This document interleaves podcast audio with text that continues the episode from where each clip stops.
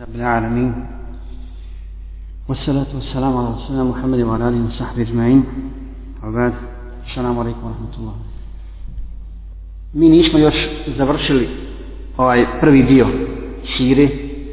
Inšallah, nastavit ćemo ga danas i početi sa predavanjem i dersom o hijri.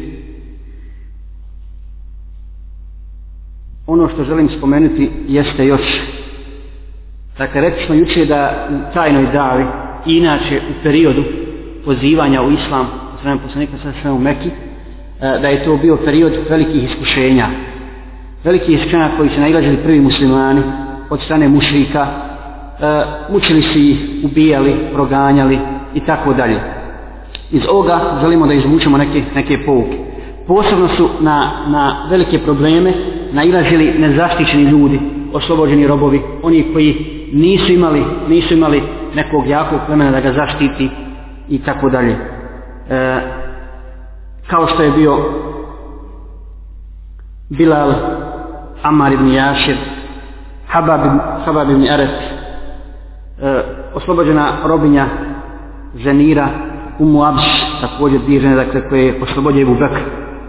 E, na se velika iskušenja, ali iz ovih E, iskušenja posebno kroz ovo kroz ovaj postupak Ebu Bekra hoćemo da, da onaj izvučemo iz toga neke pouke koliko je, znate li koliko je Ebu Bekr oslobodio ljudi koliko je on lično svojim novcem oslobodio oslobodio ljudi odnosno muslimana i muslimana hm?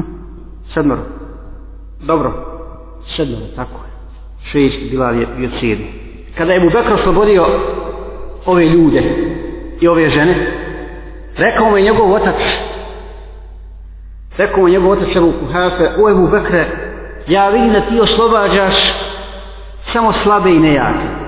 Zašto ne bi oslobodio nekog snažnog, ko će ti kasnije pomoć u poslu, ko će ti biti, ko će ti biti sluga? Šta je rekao Ebu Bekre? Kaže, o oče, tako mi Allaha, ja ovo ne radim ni zbog čeg drugog, nego radi Allaha Đelešanohu tražiš njegovo zadovoljstvo i njegovo lice, i ne želi ništa drugo nego s ovim, nego ono što želi Allah Đelešan. To je bio primjer, braćo, savršene društvene integracije članova kompletnog islamskog, islamskog društva koja predstavlja i obilježava stvarnost islama. Dakle, islam je uzdigao te robove. Vratio im je ponos, vratio im je, vratio im je ljudskost. A do tada su bili na nivou trgovačke robe. I ne samo to, nego mnoga trgovačka roba je bila vrijednija i skuplja, skuplja od, od, tih, od tih ljudi. Islam je vratio to i postali su, postali su sljedbenici Islama, sljedbenici ideje za koju su kasnije bili gorljive daje, raspaljali su ljudima o tome, borili se, žrtovali na putu Islama, isto kao i svi ashabi koji su bili iz najpoznatijih, iz najpoznatijih, iz najpoznatijih vremena. Najpoznati I dakle, ovaj postupak Ebu Bekra bio je svojevrsno svjedočanstvo veličine ove vjere, veličine, veličine Islama. Bivši robovi sada su postali šta? Sinovi Islama, sinovi islamske akide i osjetili su da su članovi jedne porodice. Da su članovi jedne porodice i jedne kuće koja prima i bogate i siromašne i one iz najnižih slojeva društva i one iz najviših e, i učene i nepismene i tako, i tako dalje. Dakle, to je ono što su oni osjetili i zato vidimo da čak Allah Đelešanuhu spominje ovaj, ovaj primjer Ebu Bekra. Ebu Bekra je zaslužio da ga spominje, dakle, gospodar svjetova iznad, iznad sada nebesa u kojoj suri. Rejim. Gdje Allah Đelešanuhu kaže وَسَيُجَنْ نَبُهَ الْأَتْقَى الَّذِي يُؤْتِ مَالَهُ يَتَزَكَّى وَمَا لِيَحَدٍ عِنْدَهُ مِنْ نِعْمَةٍ تُجْزَى إِلَّا بِتِغَاءَ وَجْهَ رَبِّهِ الْأَعْلَى kad govori dakle pre, prethodno Allah šan spominje one koji će zaslužiti vatru nevjernike a dalje kaže a od nje će daleko biti onaj koji se bude Allaha bojao i onaj koji bude i metak udjeljivao ne želeći pohvalu od ljudi za to nego želeći tražiti ima Allahovo zadovoljstvo ili vidice gospodara gospodara svevišnje dakle islamski džemat danas treba ovo da uzme ovo da uzme u obzir i treba da oživi ovu islamsku stvarnost koju su živjeli ashabi, koju su živjeli prvi, prvi muslimani. Dakle, da živo tu stvarnost u kojoj će svaki pojedinac tog džemata se osjećat kao član porodice. Da je član tije kuće i ne samo to, nego da joj da prednost da se tako lijepo osjeća tu, da joj da prednost iznad svoje kuće, iznad svoje porodice, iznad onih krvnih, krvnih i rodinskih veza. Prve generacije su imale ovu, imale ovu osobinu i zato su uspjevali u daru. Za, jer ljudi su hrli tome. Danas, vallahi, narodi i danas ljudi žele to. Žele to da, po, a nemaju, nema toga. Postoje još uvijek te podjele po nacionalnosti, po kvasama, po, po, po rasama i tako dalje. Po raznim osnovama se ljudi, ljudi dijeli. Ljudi ne mogu da osjeti u, u, u našim džematima tu, tu nit koja je, koja je vezivala, vezivala shabe i koja, im je, koja je otvarala vrata, otvarala, srp, otvarala srca ljudi. Dakle, tu stvarnost, na tu stvarnost moramo, moramo skrenuti pažnju, jer je to dio islama. To je ono što kra, krasi islamsko učenje. Dalje, poslije toga, nakon ezičenja Kurejša i svih pokušaja da im, da, da i svi pokušaju od svojeg poslanika sa da im prenese poslanicu, Resul sallallahu alaihi wasallam po Allahove naredbi kreće pravi jednu novu fazu, novi iskorak u davi. Odlazi u taj, prvi put odlazi iz Mekke, stalno je pozivu u Mekke, u tom zahilijetskom društvu, koliko je mogao tajno pa onda javno, nakon toga odlazi u taj. Traži šta? Traži plodno tlo za davu. Ovo braće govorimo zbog toga što je taj put dave poslanika sallallahu alaihi wasallam u stvari put ostvarivanja i utemeljenja islamske države uspostavljanja islamske, uspostavljanja islamske države i vlasti a, a, Allahovog zakona na zemlji. Kad se u Taifu je naišao na, na odbijanje, na veliko ponižavanje, šta je u tom trenutku kad se vratio, da sam sve sve rekao? Nije proklinjao. Allah je Lešanohu uposlao Meleka, Meleka da, da kaže, da zatra za posljednika sa Selem šta god želi. Ako želi da Allah uništi taj narod, Allah će ga uništiti. Međutim, posljednika sa Selem kaže, molim da Allah da im oprosti, zaista oni ne znaju. Zaista oni ne znaju i molim Allah šanao da nadam se da će Allah iz njihovih kični izvesti one koji će Allahu samo, samo sve činiti, koji će samo Allahu obožavati. Allah ovo je velika, velika pouka i poruka, poruka za nas. I poslije toga, Resul sallallahu da bi ušao ponovo u Meku, šta traži? Traži tada zaštitu. Dakle, imamo dvije vrste zaštite. Na početku, samo inicijativna zaštita od strane Ebu Taliba. Sam ga on štiti kao Amidža. Kasnije, Ezijet je sve veća i veća. Stješnjava se taj krug. Nema, ne odazivaju se ljudi. Resul sallallahu alaihi sallam kada je htio da uđe ponovo u Meku, traži zaštitu od pojedinih glavara, pojedinih glavara određeni, od, iz određenih plemena. Odbijaju ga mnogi. Međutim, nailazi, nailazi na zaštitu i pozitivan odgovor od strane koga? Ko je prihvatio poslanika sallallahu alaihi sallam? Nije prihvatio islam, ali ga je uzeo u zaštitu. Kako se zvao čovjek?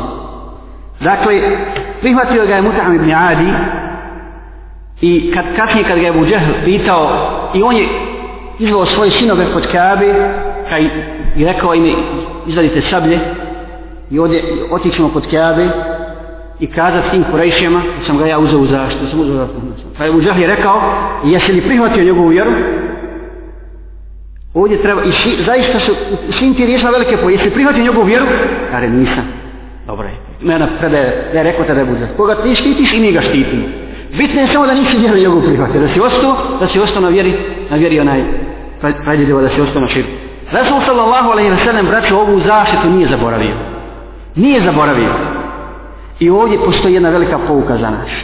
Kada je bila bitka na Bedru, i Rasul sallallahu alaihi wa sallam zarobio koliko mušlika? 70 mušlika. Zarobio 70 mušnika i kada su, kada su okupili na jednom mjestu, kaže, sjetio se onoga što je uradio njemu tam njadi, a on je već bio umro, umro je kao mušnik. Kaže, tako mi Allaha, da je mutam ibn Adi živ, poklonio mu sve ove Dao bi mu sve zarobio. Dakle, postoji vjernik mora da pravi razliku čak i kod nevjernika. Između dvije skupine nevjernika. Oni koji te pomažu i ne napadaju i oni koji se otvoreno bore, bore protiv tebe. Resul sallallahu alaihi wasallam nas uči kako ćemo na dobročinstvo uzvratiti dobročinstvo. Kako ćemo na dobročinstvo uzvratiti dobročinstvo? Resul sallallahu alaihi wasallam dakle kada je tražio zašto samo za sebe. Samo za sebe. Nije tražio zašto za davu, jer je ni mogu ni dobiti. Nego za sebe da bi mogu onda poziva određene, određene, određene ljude. I to je put bio uspostave islamske države. Nakon toga, Resul sallallahu alaihi wasallam pokušava da priđe drugim ljudima sajmovi, raznorazne pijace, praznici i tako dalje, gdje dolaze ljudi. Između ostalog, na jednom od tih sajmova, poslanik sa veselem sreta ljude iz Jesreba, ljude iz Medini. I kako im prilaži? Sreta i kaže, kad je pozrek, odakle ste vi? Ko ste vi? Rekli su, mi smo iz plemena Hazreć. I šta im kaže poslanik sa veselem? A kaže, jel da vi ste saveznici židov? Vi znate židove, dobro, poznajete. Kaj jeste. Ka, e, a zašto ne bi sjeli sa mnom, ne sjeli sa mnom malo da, da, da se upoznamo? Pogledajte pitanje, zbog čega je spomenuo židove? Dakle, spomenuo je židove zato što je znao, ako su se susretali sa židovima, da im nije strano, stra, stran tevhid pričao o, o, o vjerovanju jednog Boga, pričao o poslanicima, o sudnjem danu i tako dalje. Dakle, to je, taj govori nije bio stran. I zato poslanica sjeda s njima i govorimo islam. I onda ti šest ljudi prvi koji sjeli s poslanikom sa šelem, kažu kaj je tako nam Allaha, videli su nam kaj je pričali o tome i čak su nam kaj je kad mi došli međusobni sukob govorili prijatelji poslanikom koji će doći. Poslanikom koji će doći, koji je najavljen kao posljednji Allahom poslanik i spasitelj i kada kad dođe on, mi ćemo se protiv vas mušika boriti i tada ćemo vas konačno porastiti i pobijediti. I kaj ne dozvolite da nas židovi preteknu u tome. Pa su prihvatili Allahu poslanika sallallahu alaihi wa sallam. Dakle, ti šest ljudi, šest, šest ljudi iz Medine su kasnije prenijeli, prenijeli to u svoje porodice i posle toga nije ostala ni jedna kuća u Medine da se nije pričalo o islamu. I pogledaj sad ovo. Za jednu godinu, za jednu godinu, u toj godini kada se Resul sa selem sreo su šest ljudi i ono što će se kasnije desiti, prvi, prva zakljeta na Akabi i druga zakljeta na Akabi, od strane, od strane uh, ljudi iz Elsa i Hazređa, Resul sallallahu alejhi ve sellem je učinio u davi i postigao veći uspjeh nego za 10 godina, nego za 10 godina u Mekki. Dakle, to je sabr. Jedno koji mora posjeda daje i upornost. Stalno pozivanje i Allah će dati rezultat. Dakle, vrijeme je relativna stvar. Poslanik sallallahu ne obraća puno na to pažnju, nego traži, traži izlaz davi. I ovdje se jasno nazire druga faza. Resul sallallahu alejhi ve sellem traži traži pogodno tko zašto za uspostavu islamske države. U Mekke imao poziv, čak zaštitu od Mutama ibn Adija. A zašto poslanik sve nije uspostavio tu islamsku državu? Zašto? Ovo je dokaz da se u takvoj sredini, u džahilijetskom okruženju, u, u, u društvu u kojem vlada neki drugi zakon, mimo Allahovog zakona, ne može uspostaviti, ne, ne može uspostaviti šarijet. Jer ljudi ga neće, odbijaju ga. Čak neki dozvole pozivanje. Ne može. Kad može? Ne može se uspostaviti šarijetska država bez sinova dana bez onih koji će istinski prihvatiti to i na svojim plećima ponijeti to i oni uspostaviti, oni uspostaviti islamsku, islamsku državu. Nakon toga dešava se prva zakljetva na Akabi, koja se zove kako? Kako je učenjaci Siri nazivaju drugu zakljetvu na Akabi? Jeste, ženska, ženska zakljetva. Druga zakljetva ili ženska zakljetva zbog čega? Zato što tu, u toj zakljetvi, kad su dali Bejim poslaniku sa veselim našto, E, na neke, na neke stvari nije se spominjao džihad. Dakle, još se ne spominje borba. I to je onda, jer ženama nije propisan džihad, zato se je nazvali ženska, ženska za. A na što su dali beju poslaniku sa veseli? A rekli su da neće činiti, dali su beju i zakretu da neće činiti širka Allahu Đalešanuhu, da neće kraš, da neće zinavučit i da neće drugima podmećati djecu, podmećati, podmećati djecu i da, da se neće, da, ne, da neće griješiti, suprotstaviti se poslaniku sa veseli, onome što je dobro onome što je dobro i korisno. To su stvari koje su vrlo važne i iz kojih se, iz kojih se trebaju izvući pol. O kojima ćemo malo kasnije govoriti. Ovdje, poslije toga, poslanik sallallahu alaihi sallam šalje, šalje prvog daju u Medinu. Koji je, ko je bio? Musa bin I preko tog, hajde da ga uslovno nazovemo diplomate poslanika sallallahu alaihi sallam i prvog daje je Allah Đelešanohu daje da njegovim sebebom prime Islam dvojica vođa Eusa u Sejd ibn Hudajr i Sa'd ibn Muaz kad su oni primili Islam vraćali se u svoja plemena i posle toga nije ostalo ni malo ni veliko uho ni žensko ni muško a da nisu, a da nisu prihvatili Islam i priprema se tlo priprema se tlo za hijđu odnosno za, za uspostav islamske države Rekli smo pouke iz ove zakljete nakav, koje možemo izvući. Dakle, ne spominje se borba još, ni džihad, nego poslanje sve sve još uvijek traži zaštitu za davu. Koje, koje su to pouke? Prije svega, u ovim nekoliko stvari koje, spome, koje spomenu poslanje sve sve sve da neće činiti širka Allah, osim onoga što je tražio zasu za sebe, da će ga štiti kao štiti svoje porodice, dakle da neće činiti širka Allahu Đelešanu, to je velika stvar, mušici, dakle iz jedne, iz jedne sredine, odnosno napuštaju ovu ideju, ovu pagansku ideju i prihvataju vjeru samo jednog Allaha Đelešanu, dalje, da neće kraš, da neće žina, žinalo činiti, da neće podnačati jednog djeca, da će, da će pokravati poslanicu u dobru, šta to znači? To je put odgoja. To je put odgoja. I ako u tome uspiju, ako, ako, ako se uspiju se čuvati strasti, ako ne budu krali, ubijali, zinalučili, znači, inša Allah, i ono ostale narade će izvršavati kad se moralno, kad se moralno odgoji. Slično odgoji od haba u Mekke. Tako poslanče da sam sad uzma beju i priprema, priprema duhovno ove enšarije za, za ono što, što slijedi posle, posle toga. Dakle, to su bile neke pripreme, pripreme za, za, za, za hijđu. Nakon toga slijedi hijđa. Koje godine je bila hijra? Šesto. A koja je to hijrska godina? Resul sallallahu alaihi ve sellem da bi uspjeli završiti ove pouke iz hijre, na nju ćemo se posebno skoncentrisati, dakle nećemo spomnjati te događaje. Znamo da su prvo ashabi, da su se ne dozvolili ashabima najprije da iziđu, da iziđu u Medinu, pa posle toga ostojeo. Ja sam obratio pažnju, braćo, na neke stvari. Ono što je Resul sallallahu alaihi ve sellem pripremio, pripremio od poputbini, e, dalje metode koje, koje je uzeo i primijenio, počeći od dozvole ashabima za izlaze. Dalje, završi se s poslanikom sallallahu alaihi ve sellem. Primjećujemo šta? Primjećujemo da je poslanik sallallahu alaihi ve sellem koristio u hijri. U svom putovanju iz neke medinu sve same ljudske uzroke. Sve same ljudske. Dakle, vidimo ovdje poslanika putuje iz neke u medinu da bi, da bi, zaštit, da bi, da bi odbranio vjeru i davu ponosom da bi izišao odatle i da bi spostao islamsku državu kao običan čovjek. Zbog čega ovo govorim? Dakle, šta koristi tajnoć, skrivanje, uzimanje uzruka, pripremanje i tako dalje. Sve to u poslanicu Allahovim selem korist koristi. To su uzroci običnog čovjeka. Postavlja se jedno pitanje. Resul sallallahu sallam je prije na godinu dana, ili nekoliko mjeseci prije toga, dobio poklon od Allaha Đelšanom šta? Doživio je Isra i Mirađ. Kako?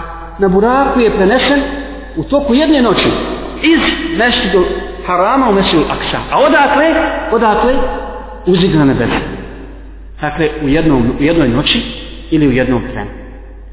Je li Allah Želešanovu mogao isto tako na buraku prenijeti poslanika sallallahu sallam iz Mekke u Medinu?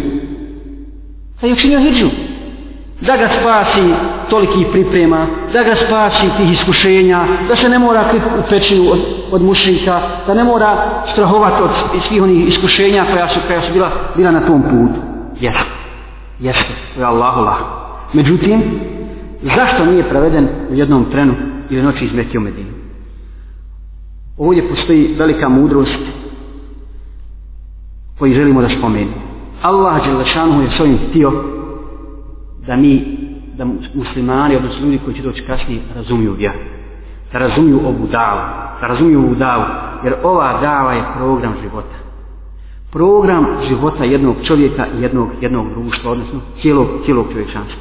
Allah je mogao jednom trenutku da prenese svoga poslanika sa šame ono iz Mekke, iz Mekke u Medinu. Međutim, on uzima sve te ljudske, ljudske uzroke, jer je stvar puno dublja od toga. Stvar je puno dublja od toga. Rekli smo da je ova vjera problem života. Šta mislite? Da je se desilo tako? Da je poslanik sa veselem prenesen na buraku iz Mekije u Medinu. Nakon toga, da su sa veselem čovjek, umire. Posle toga, dolaze nove generacije. Dolaze nove daje. Bivaju iskušavani kao poslanik sa veselem i njegovi ashabi. I dolaze u takvu situaciju da moraju tražiti izlaz sebi i svoju daju. Šta će učiniti? Nisu oni poslanici. Poslanik prenesen, na buraku. Nema šta. Ne. Nego ovdje poslanik sa selem utire put budućim dajama. Budućim daje kako će naći izlaz i kako će ući i kako će uzeti sve uzroke, uzroke da bi, da bi, da bi, da bi se spasili, da bi spasili i sačuvali, sačuvali svoju vjeru. I onaj protiv koga se ratuje zbog njegove akide, onaj čija čas bude napadnuta i, i, i izgažena, on može uzeti velike pouke i veliki ders iz ovoga. Da se hijra desila preko noći, bili bismo uskačeni svih ovih pouka. Dalje, drugi ders jeste, također vezan za ovu lekciju, za ovu lekciju jeste uh, događaj sa munaficima. Vezan je za ovu lekciju, ali sam samo ćemo ukupno spomenuti, zato što ima poseban ders o odnosu poslanika sa veselem prava munafica. Allah Đelešanu ne otkriva poslanicu sa odmah munafike. A oni su bili, nje, i pratila ga je ova lekcija, ova je ders sa munaficima od poslije hijđe i smrti do smrti. Oni će dokon. Međutim, Allah što ne otkriva te munafike, nego mora poslušati to šta ta iskušenja i ashabi, da bi, da bi onaj kasnije generacije koje dolaze, generacije koje dolaze imale pred sobom lekciju, lekciju kako se ponaša jedan mu'min, jedan džemar, jedan pokret sa munaficima kad se oni pojavi. Allah je našalno i mogo je objaviti poslanicu sa sve odmah, to su ti munafici ko ubija ih, išra iz Medine i završuje sutra dolaze novi ljudi, nema više poslanika, kako se ponašati, kako se ponašati samo napici. Zato kažemo da je hijđa velik, bila veliki drž iz kojih se mogu izvući velike pouke. Kada je Resul sallallahu alaihi sallam saznao za zavjeru Kurejšta, koji nisu htjeli islam, šta je učinio? Šta je učinio poslanik sallallahu Iskoristio je sa njima sve metode, međutim, kod njiha to nije po, prouzrokovalo ti povećalo ništa osim kufra osim kufra i nada i mržnje prema poslaniku sallallahu alejhi Ali šta je uradio Resul sallallahu alejhi Je li se povukao? Je li poslanik sallallahu posle toga rekao ne? Dobro je. Ja sam iskoristio sve mogućnosti. Sad se povlačim ponovo u pećinu, odatle sam je počeo da. Ja sam ih pozivao. Završio sam. Idem sad u pećinu da se posvetim badetu, da se posvetim badetu Allahu Đelešanu, da sad džaba sebe ne opterećujem, a Allah Đelešanu zna da sam ja isprobao sve metode s njima. Ne. Resul sallallahu alaihi wa sallam ulaže maksimum truda ulaže maksimum truda da ta dava uspije i traži pogodno tlo da se, da se da preseli iz ovog mjesta, iz ove neplodne zemlje za, davu, za, za sjeme Islama u, u zemlju koja će uroditi, koja će uroditi plodom. Dakle, iz ovoga daje mogu izvući, izvući veliku, veliku korist. Mnoge daje zapadaju nas u takve situacije i takva situacija takva stanja, pa se onda razočaraju. Poziva, poziva i vidi nema rezultata, nema, nema efekta. Međutim, kad je u pitanju dava, mora nam biti na umi i pozivanje, mora nam biti na umi jedna stvar, da se ne smijemo nikada razočarati i da ne smijemo dozvoliti poniženje našoj vjeri, da ne smijemo dozvoliti poniženje davi, stalno pozivanje, jer ka, kad ćeš ti primijetiti da si ti bio koristan? Hajde kad pozivaš u jedno mjesto, napusti to mjesto pa ćeš vidjeti, pa ćeš vidjeti koliko fališ. Pa ćeš vidjeti kolika je praznina i kolika je šupina kad nema, kad nema daji. Jer pozivanje, u, dakle, plodovi dave idu postepeno. Idu postepeno. Poput, oca, pa, poput djeteta. Otac ili majka, kad gleda svoje dijete, ono raste. Svaki na, vidiš ti kako raste dijete? Ne vidiš, ali ono raste. Dakle, tako je, tako je i sa davom. Ona išala sigurno napreduje sigurno ide, ide naprijed i daja se, daja se ne, smije, ne smije razačarati. Jer vidjeli smo da poslanica je za jednu godinu postiže više uspjeha nego za deset, za deset godina u Meku. A problemi mnogih muslimana danas, danas su takvi, poput onoga čovjeka koji ga spominje, koje, koje spominju šejhovi kao primjer kajanja, primjer kajanja u životu, koji je pravio dobre strijele, dobre strijele pravio, pa kaže, jedno večer je napravio dobar luk, koji ga nikad prije do tada nije napravio i gađao ja u noću. I njemu se činilo da nije pogodio ni jednog. Razočara se i slomi luk. Kad se svanulo, vidio je da je svaki put pogodio u sredinu. I onda se kaju, pogledajte što sam uradio, jer ne može više, ne može više da napravi takav luk. I kažu, kažu učenjaci, ovo je e, kod Arapa najveći primjer kajanja i čak ga pjesnici u stihama spominju i kad, kad se za nešto pokaju, kaj, to je kajanje kao kajanje ovog, ovog čovjeka koji je u stvari e, brzo, brzo donio odluku da, da slomi luk za koji je mislio da nije dobar, nije ispravan, da ne pogađa met, a u stvari pogađa, pogađa. Tako mnoge, mnoge da je. Zato Allah za sanom kaže, ja ejuha ladinama nusbiru, a sabiru, a rabitu. Ovo vjerici budite strpljivi, izdržljivi. Morate, morate dakle uzeti te pouke iz poslanikovog života. E, dalje, kad je u pitanju hijđa, vidimo braćova sahabe kako čine hijđu ne samo jednom, nego prije toga u obesiniju, dva puta, posle toga odlaze u Medinu i Meku. Odlaze iz Meku u Medinu. Znamo da je čovjeku na Dunjaluku najdraže šta? Njegovo, njegova kuća, njegovi metak, bogatstvo koje stiče, za koje će borići čitav svoj život. Čitav svoj život. Međutim, ashabi su, nakon su prihvatili islam, bili najljubomorniji prema tom islamu. Samo da je njega sačuvati. Dakle, to je ispravno shvatanje islamske akide, potpuno ubjeđenje i jekin da im zato čeka nagrada, jer dunjaloče svakako proći. I oni to ostavljaju iznad svih dunjaločkih užitaka. Iznad svih dunjaločkih užitaka. Allah je ova veliki bret, velika pouka. Pitanje je sada ovdje, da li bi neko od nas isto tako postupio? Da li bi kad bi morao učiniti hijđu, bili napustio svoju kuću, bili napustio svoju rodnu grudu, bili napustio svo svoje bogatstvo radi, radi vjere? radi, radi vjere. Međutim, mislimo da ne bi većina muslima, zbog čega? Zato, braću se, danas ne možemo biti, da danas spomenemo ovdje na tom mjestu, da danas ovdje na ovom mjestu ne spomenemo to, da danas mnogim ljudima, među muslimanima je nešto drugo preče od islama. Ne mislimo samo na ovo, nego neke druge ideje. Danas je nacionalizam, danas je nekakav lažni patriotizam i tako dalje, postao kod muslimana važniji važniji od vjere i njega stavljaju, njega stavljaju iznad vjere. Da li se radilo o Arapima, da li se radilo o Bošnjacima i tako dalje. Vi vidite, kad političari, kad eh, oni koji žive u jednoj državi, kad hoćete odbrane svoj sistem, da se pozivaju na to. Valja odbran Bošnjaško, valja odbran Arabija i tako dalje. Arapi jednih druge, kad, kad jedna država arapska bude napadnuta, neće Arap reći, slušali ste mnogo puta njove političare, neće kazati hajmo pomoć brata muslimana, nego hajmo pomoć brata Arapa. Hajmo pomoć brata Arapa. Dakle, taj arabizam je da ponovo isplivo, to džahirijsko ponovo isplivo. A šta znači jedan nacionalizam? Kod ashaba i kod muslimana svih mora to da bude. Naš nacionalizam je naš din, naša vjera. To mora da bude. A kod, šta, kakva razlija Arapa i na Arapa? Allah za kaže inna akramakum inda Allahi at-taqwa. Kod Allaha najbolji oni koji onaj koji ga najviše boji. To je to je jedino to je jedino mjerilo.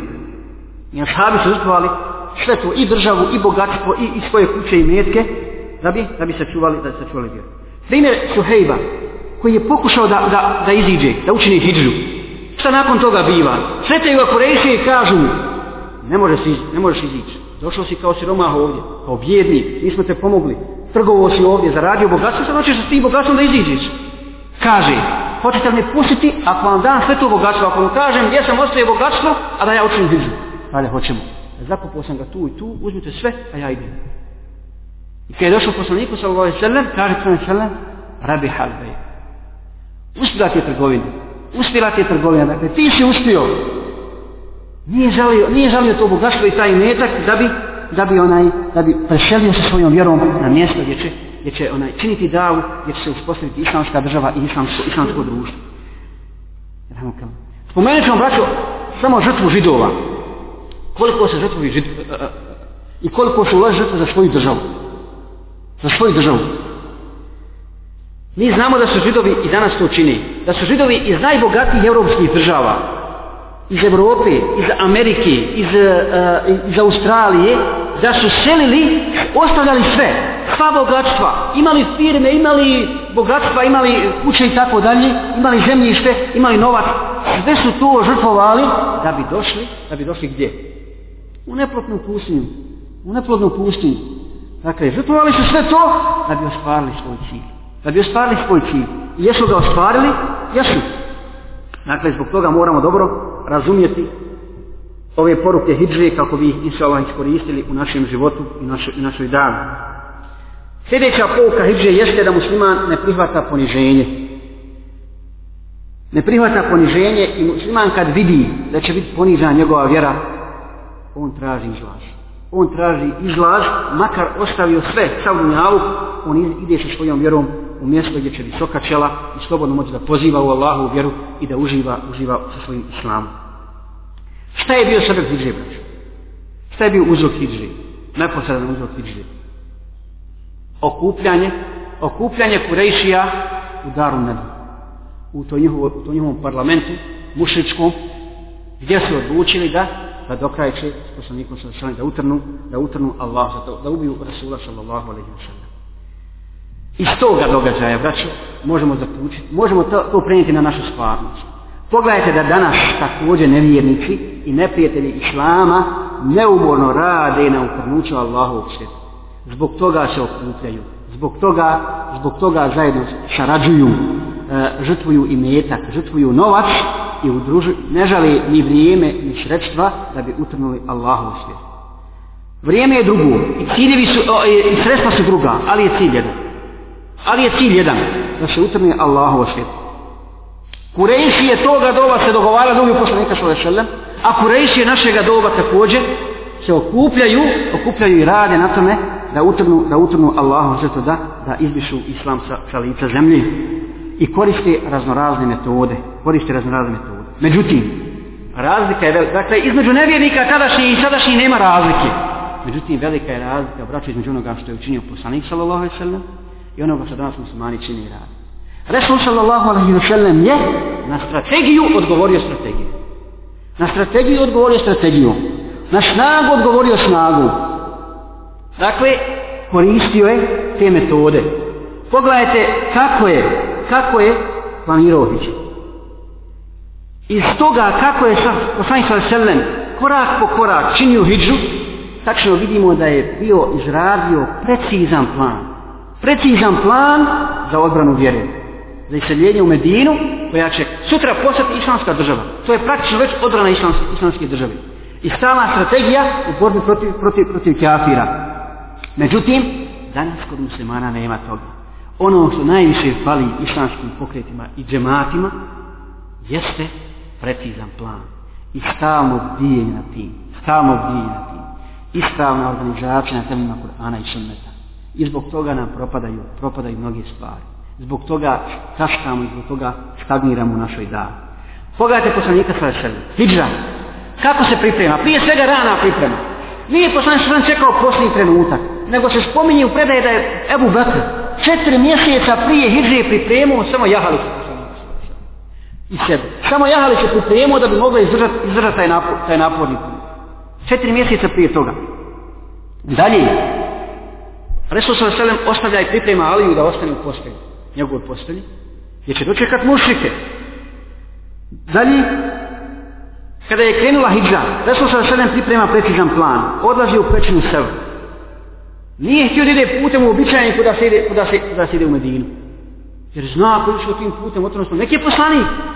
Ali on, rekli smo, utire put i stazu budućim dajama i muslimanima. Kako treba se ponašaju? Nego im zameće trag. Zameće trag i odlazi u pećinu sebe. Odlazi u pećinu sebe koja je potpuno na suprotnoj strani. Tako da se nevjernici iznenade tom podi... Da, da uopšte ne posumnje da je on mogao tu, tim putem, tim putem da kreni. Dalje, Abdullaha ibn Abu Bakar određuje šta? Za čovjeka koji će mu stano donositi vijest. Ode u Meku, donese vijest i onda noćno dođe, sa neko sa veselem Ebu Bekru i sa moći kaže šta se desi. Dalje, njegov Ebu Bekruvog oslobođenog groba, a, Amir ibn Veira, zašto određuje? On ima stado. On ima stado ovaca i sna dolazi stalo do pećine. Tako da neko ne pećine što je čoban, šta? Niko ništa, normalno se ponaša. Čuva svoje stado, dolazi do pećine, iz dva razloga. Iz dva razloga. Da im ostavim lijeko, da im ostavim lijeko. I šta? Da ovcama zamete tragove, tragove Abdullaha, sina Abu Bakrovog, koji donosi, koji donosi vijest, donosi, donosi haber. I pogledajte plana i strategije poslanika sa veselem, kako precizno određuje, određuje taj svoj put, put iz Mekije u Medinu. Esma donosi hranu. Esma donosi hranu, a Abdullah ibn Urejkut, U njega uzimaju poslanik sa selem kao iskusnog čovjeka i vodiča da im pripremi nakon treće noći put a, a, odlazak u stvari iz pećine, iz pećine u, u Medinu. Da li mi danas ovako vraćo precizno radimo i pripremamo naš plan i program? Vrlo je namećemo što je jedan banalan primjer. Pogledajte, nek svakam uh, od nas razmisli o tom primjeru. Kad neko od nas hoće da pravi kuću, kad hoće da pravi da kuću, najmanje 5-6 mjeseci samo brine o, o planu. Kako ću napraviti kuću, e, s koje strane, e, na, kakav, kakav, koga uzeti da mi, napravi, da mi napravi plan, da mi napravi skicu i tako dalje. I kad pravi kuću, posvijeti se tome toliko, da je to, sav se unese, sav se unese u to. Tako da je ostala poslovica u našem narodu vezana kraj. Kad vidite čovjeka da priča sam s osobom, da ide ulicom, kaže ili je lud ili pravi kuću. Znači, toliko čovjek brine o tim dunjaluškim stvarima. Hajde samo zamislimo kad bi se toliko obrinuli, kad bi se toliko obrinuli o da, o našem programu. I kad bi tako pretižno izrađivali i bdjeli i dan i noć, i dan i noć. A zadivljuju nas primjeri određenih učenjaka. Kad kažemo, evo, šeh bin Bazan Falehi spavo samo sat vremena u toku 24 sata. Sve ta zbog brige za umne. Ovaj toliko. Znači, suze nam izazove to Kako nam je to lijep primjer. Međutim, mi sami, mi sami to ne primjenjujemo u našim, u našim životima, u našim, u našim programama. Zbog toga nam kažem, mnoge stvari, mnoge stvari propadaju i ne idu, i ne idu kako treba. Zato kažem, pogledajmo Rasula sa Vaselem kako pravi, kako pravi program i utire put dajama koji će kasnije, iša Allah, uz Allahu pomoć, e, nastaviti putem kojim je išao poslanik sallallahu alaihi wa sallam. I ovo je jedan od najvećih drsova iz, iz Hidri. Zato začu, posmatramo danas zapadnjake, orientalište. Šta su uradili sa, sa ovim umetom? Nisu umet zagali preko noći, nego su radili planšu. Šta je rekao Teodor Herz, kad su židovi pravili svoj plan i program? U svojim protokolima. Rekao je tada, kad su napravili plan, danonočno radili na tom planu, samo na planu radili dan i noć, dan i noć. Ali nisu pravili kratkoročan plan za 3 godine ili 5 godina, nego za 50 godina. I kad se napravio plan, rekao je tada svoje poznate riječi koje stalno želim ispominuti. Ako ostvarimo ovaj plan, ako ga realizujemo, ako ga ozbiljno prihvatimo, za 50 godina imat ćemo državu. Za 50 godina imat ćemo državu. I židovi su radili. I radili i danas radili. I ostvarili su točno za 50 godina, za 50 godina židovsku, židovsku državu, koju danas brane i prkose, prkose umetu sa onim što nije njihovo, jer su oni tu uljez, uljez. Takav uljez su oni u Palestini, okružen arabskim svijetom, isto kad bi sad među nas doveli majmuna i kazali to je. On, on će s nama normalno živjeti s ljudima, mi ga trpimo, ništa ne poduzimamo na tome, samo će spava, samo će jesti. E tako je, tako su isto, tako su isto, onaj, židovi tada u Palestini okruženi, okruženi, jer je to islamska država. To je, musli, to je muslimansko tlo. Zatim muslimani trpe židove i prave dogovore s njima i e, tolerišu i tako, tako ništa ne poduzimaju na, na tom podu. Dalje, kakav su, plan, kakav su plan i program napravili, napravili e, orientalisti, napravili, muž, napravili mušici ovoga doba i kjatri ovoga doba protivnici islama za isparivanje naše, naše omladine. Ja vas pitam, je li stanje naše omladine danas isto kao prije 20 godina? Samo u Bosni. Vjerujte, braću da nije. Na tom polju, na tom, posljednji su rezultati u Davila Hamla. Međutim, na, na, na polju onih, na polju ove, ove pokvaranosti, isparanosti i, i, i gaženja po tom blatu nemorala, situacija je gore. Situacija je gore. Vi ste čuli da je Subosni, da je Subosni snimio prvi porno film. Prvi porno film snimio u Bosni. Dalje, e, bosanke masovno poziru u, u, naj, od najrazvratnijim časopisima, časopisima i čuli se za onu muslimanku iz Zenice koja je u Playboyu pozirala, pozirala gola i sasvim, to sasvim normalno. I ako ste čitali, ako ste pratili, a do, do čega to dovodi? Valah i to dovodi do, do, do bezdana. Dovodi, do, dovodi do lutanja omladine. I u, u posljednjih 5-6 mjeseci 53 uh, omladince ili omladinke u Sarajevu se ubilo. Neki dan je u mojoj zgradi samo u Sarajevu, žena, ona djevojka od 23 godine, skočila sa osmog sprata. Kad sam, prije nas pošli ovamo, žena izišla vani tamo, susrela neke žene, ponovo, kaj, ponovo jedna, Unjana Grbavić, kaj gore, isto, isto tako ona djevojka skočila. I ovi sam objasni kasnije zbog čega? E, zbog ljubavi. Zbog ljubavi su Dakle, to je plan to je program, to je program neprijatelja islama, kako je, i oni, oni ga planiraju, poduzimaju i realizir, realiziraju na njima svojstven način. Međutim, muslimani spavaju. I mi samo konstatujemo, to je se desilo. To je se desilo, oni tako rade, pa to je svakom poznato što oni rade. Ali šta mi, šta mi radimo? Poslanik sallallahu alejhi ve sellem kada se desila bitka na na Hžabu, kada se desila bitka na Hendeku, šta je rekao tada? Šta je rekao tada? Od danas ćemo mi njih napadati, neće oni nas. Dotle su mušnici napadali, ali posle biti na Hendeku, e, od danas ćemo mi njih napadati. Jel se umet tako danas ponaša? Ne, nego umet samo konstatuje, samo konstatacije. Peti genocid, deseti, jedanesti, toliko silovani, toliko... A niko ništa, ni inteligencija, ni poluinteligencija, ni običan svijet, niko ništa ne poduzima da se to spriječi, da se naša umrne vrati, vrati islamu. Također, Ovdje su veliki drsovi uzimanju uzre uzroka. Resul se da nam je objasnio u, u, u Hidži kako, kad treba da uzmemo uzroke, razlog između uzmanja uzroka i tevekula oslanjanja na Allaha Đelešanu. Često puta danas muslimani kažu, pa dobro, jes, pobjeda je od Allaha Đelešanu, i pobjeda je poraz od Allaha Đelešanu, jes, i pobjeda je poraz, ali ti moraš uzeti uzroke, moraš uzeti pouke, pouke, pouke i šire, ne možeš samo predati pa kazat, čekaj, mi znamo da je Resul Sala Sena javio Mehdija, da je javio Isala Islama, da će biti deđalo bin, da će u svaku kuću ući Islam i mi ćemo čekat tu. Čekat ćemo tu, neću ništa poduzimati. A također treba da ti, onaj ko tako kaže, treba da zna da je u Islamu individualna odgovornost. Nije kolektivna, individualna. Ti će pred Allahom za odgovora za svoja djela. Jes, nek sutra pobjedi islamska država. Nek sutra dođe Mehdija ti nisi dao svoj doprinos bolan. Ti nisi što u biti za, za, za pobjedu islama. Hoćeš imat nagradu. Nećeš imat nagradu nikako. Znači, za tebe nema mjesta, nema mjesta tu. A kad si ti uložio trud, dočekuo ti pobjedu islamske držane, dočekuo. Ti ćeš na sudnje dana inšala naći svoju ciglu koju si ti ugradio, koju si ti ugradio u, ta, u, tu, u tu građevinu koja se, koja se islam zove. Dalje, moramo ovdje spomenuti kuće Bubekra. Moramo ovdje spomenuti kućevu brka. Ja ipak tražim izum da malo progled, da, da, bi završio, da bi završio ovaj drž. Ako vama nije dosta. E, kućevu brka. Ja mislim da današnji umet nema veće potrebe od takvom kućom kao što je bila takvih, i takvim kućama kao što je bila kuća Ebu Bekra radijallahu ta'ala. Ebu Bekr primio islam. Njegov sin, njegove kćeri, njegov sluga. Dakle, to je kuća koja je bila sva i porodica koja je bila sva u islamu. U središtu, u središtu, u središtu džahilijeta. I pogledajte kako raspoređuju, kako učestvuju u daru, kako učestvuju u nošenju, nošenju tog tereta, i muško i žensko iz te kući. I Esma radijallahu ta'ala, zato mi ta tajn. I, i Abdullah, i Aisha radijallahu ta'ala i tako dalje, i svi iz te kuće učestvuju u pomaganju, u pomaganju islamu. Da mu pita ga, Ebu Bekra ima neku u kući. Ili ako ima taj istiraj sve ukućane, da se dogodi u to. Sve u Bekr kaže, zašto ja Rasulam?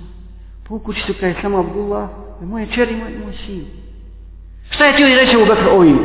Ukući su sve oni koji su na tom programu na kojem si ti poslanici. Koji te podržavaju, nema razloga da oni iziđu. Nema, nego treba da njih da iskoristiš, ako ti mogu koristiti u, u, u, našoj, na, u našem putu iz, iz Mekije Medine i oni su zato iskoristili. Dakle, pogledajte, kod nas nema toga. Ko danas od nas među muslimanima, osim onih kome se Allah smilovu, može narediti svojoj ženi? Pogledajte koliko razvedenih brakova kod muslimana, koliko, koliko, poremeće, koliko je poremećeno stanje u porodicama, koliki, koliki haos vlada. Žena, idu, žena izlazi iskuće kad hoće, ne, ne čuva tajnu, djeca ne poštuju roditelje. Dakle, kriza, poro, kriza u porodici. Ko je muslimansko ženu izvoj iz kuće? Ko je muslimansko toliko u propastu? Zašto muslimanka nije zadovoljna sa pravima koje je islam dao? koje Allah je samo odredio, pa traži nešto više od toga i doživljava ono što nas doživio. Tako da mnogi učenjaci i mnogi ljudi među muslimanima danas često puta govore kada je požele da, da mu se ne rodi žensko dijete kao što neka to želi, želi, želimo zbog onoga, zbog fesada koji danas, koji danas je zanečen. Zbog toga, dakle, e, današnje islamsko muslimansko društvo vapi za tom porodicom kakva je bila porodica, porodica Ebu Beka. Još jedna pouka iz ovog. Buhari bilježi slučaj kada je poslanik sa sredom bio u pećini sa Ebu Bekrom, može se doći do pećine. I Ebu Bekr toliko se bojao da ne otpio poslanika sa sredom kaže, ja Rasulallah, samo kad bi pogledao dole, vidjeli bi nam noge. Šta je rekao poslanik sa sredom? O Ebu Bekre, šta misliš? Šta misliš o dvojici, o dvojici s kojima je Allah treći? Wallahi, braćo, ovo su riječi vrednije od zlata. Vrednije od najvećeg Zbog čega? Zbog čega? Mi o njima sigurno većina nije od nas nas razmišlja, nije predavala na pravi način važnost tim riječima. Evo zbog čega. Poslanik sada sada nije rekao, o je bubekve, šta misliš o čovjeku, vjerniku i poslaniku? Ili šta misliš o, o, o čovjeku s kojim je Allahov poslanik? Nije tako rekao. Nego rekao, o je bubekve, šta misliš o dvojici, o dvojici s kojima je Allah treći? I ovo, dakle, nije poslanik sada rekao, bubekve, ne boj se, ja sam Allahov poslanik mene Allah čuva, mene Allah štiti, nego šta misliš o dvojici s kojima je Allah treći. To je dokaz.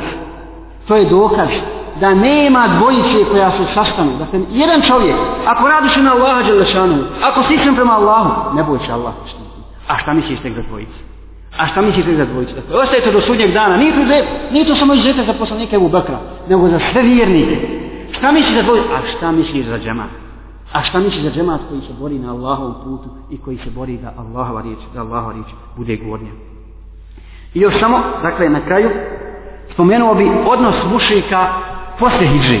Kada su muslimani iselili, Utbe, Abbas, Amir zaposlenik, koji je ostao, koji je ostao u Mekki i krio je još uvijek svoj islam, i, i Ebu Džehl su prošetali Mekku. Prošetali su Mekkom i rekao je Utbe, kuće su ostale prazne bez svojih stanara spušteni, spušteni prozori ili roletne, zavijese, prazno sve. Žjapi od praznini. Ebu Džehli nakon toga rekao Abbas, u Abbase, za ovo je sve kriv, za ovo je sve kriv tvoj bratić. On nas je posvađao, on nas je zavadio, on je uzrok ovog iseljenja ljudi, na ove fitne, ovog pesada, ovog iseljenja iz, iz, iz Mekije u Medinu i tako dalje. Pogledajte šta je Ebu Džehl govori. Faraon. Šta, šta hoćemo iz ovoga, kakvu pouku iz ovoga hoćemo da izvučimo? Ovo je govor svih tabuta. Od tada, od kako je se pojavio prvi čovjek i prvi poslanik. Od Nuhala i Čelama. Od Nuhala i Čelama, pa do našeg, do našeg doba svi su faraoni, svi su taguti na taj isti način govorili poslanicima i daje. I daje. Evo danas, kad ustane i daje da poziva u Allahu vjeru, kažu, ovaj hoće fesad da čini. Ovaj širi tipu. Ovaj nam zavađa džemate. On nam odvodi ljudi on naše običaje ruši, on ovako, on onako, dakle, stvorio je smutnu među narodom. Sad samo mi mirno živjeli, makar živjeli u najvećem džehu, u najvećem kufru, u širku. A mi smo mirno živjeli, što, što nas, što se nas diru? Dakle, ti si uzrok pesada, ti si uzrok pesada, to su riječi današnjih, današnjih taguta i današnjih vođa, i današnjih vođa, u našoj državi i u svim, i u svim, drugim, u svim drugim državama.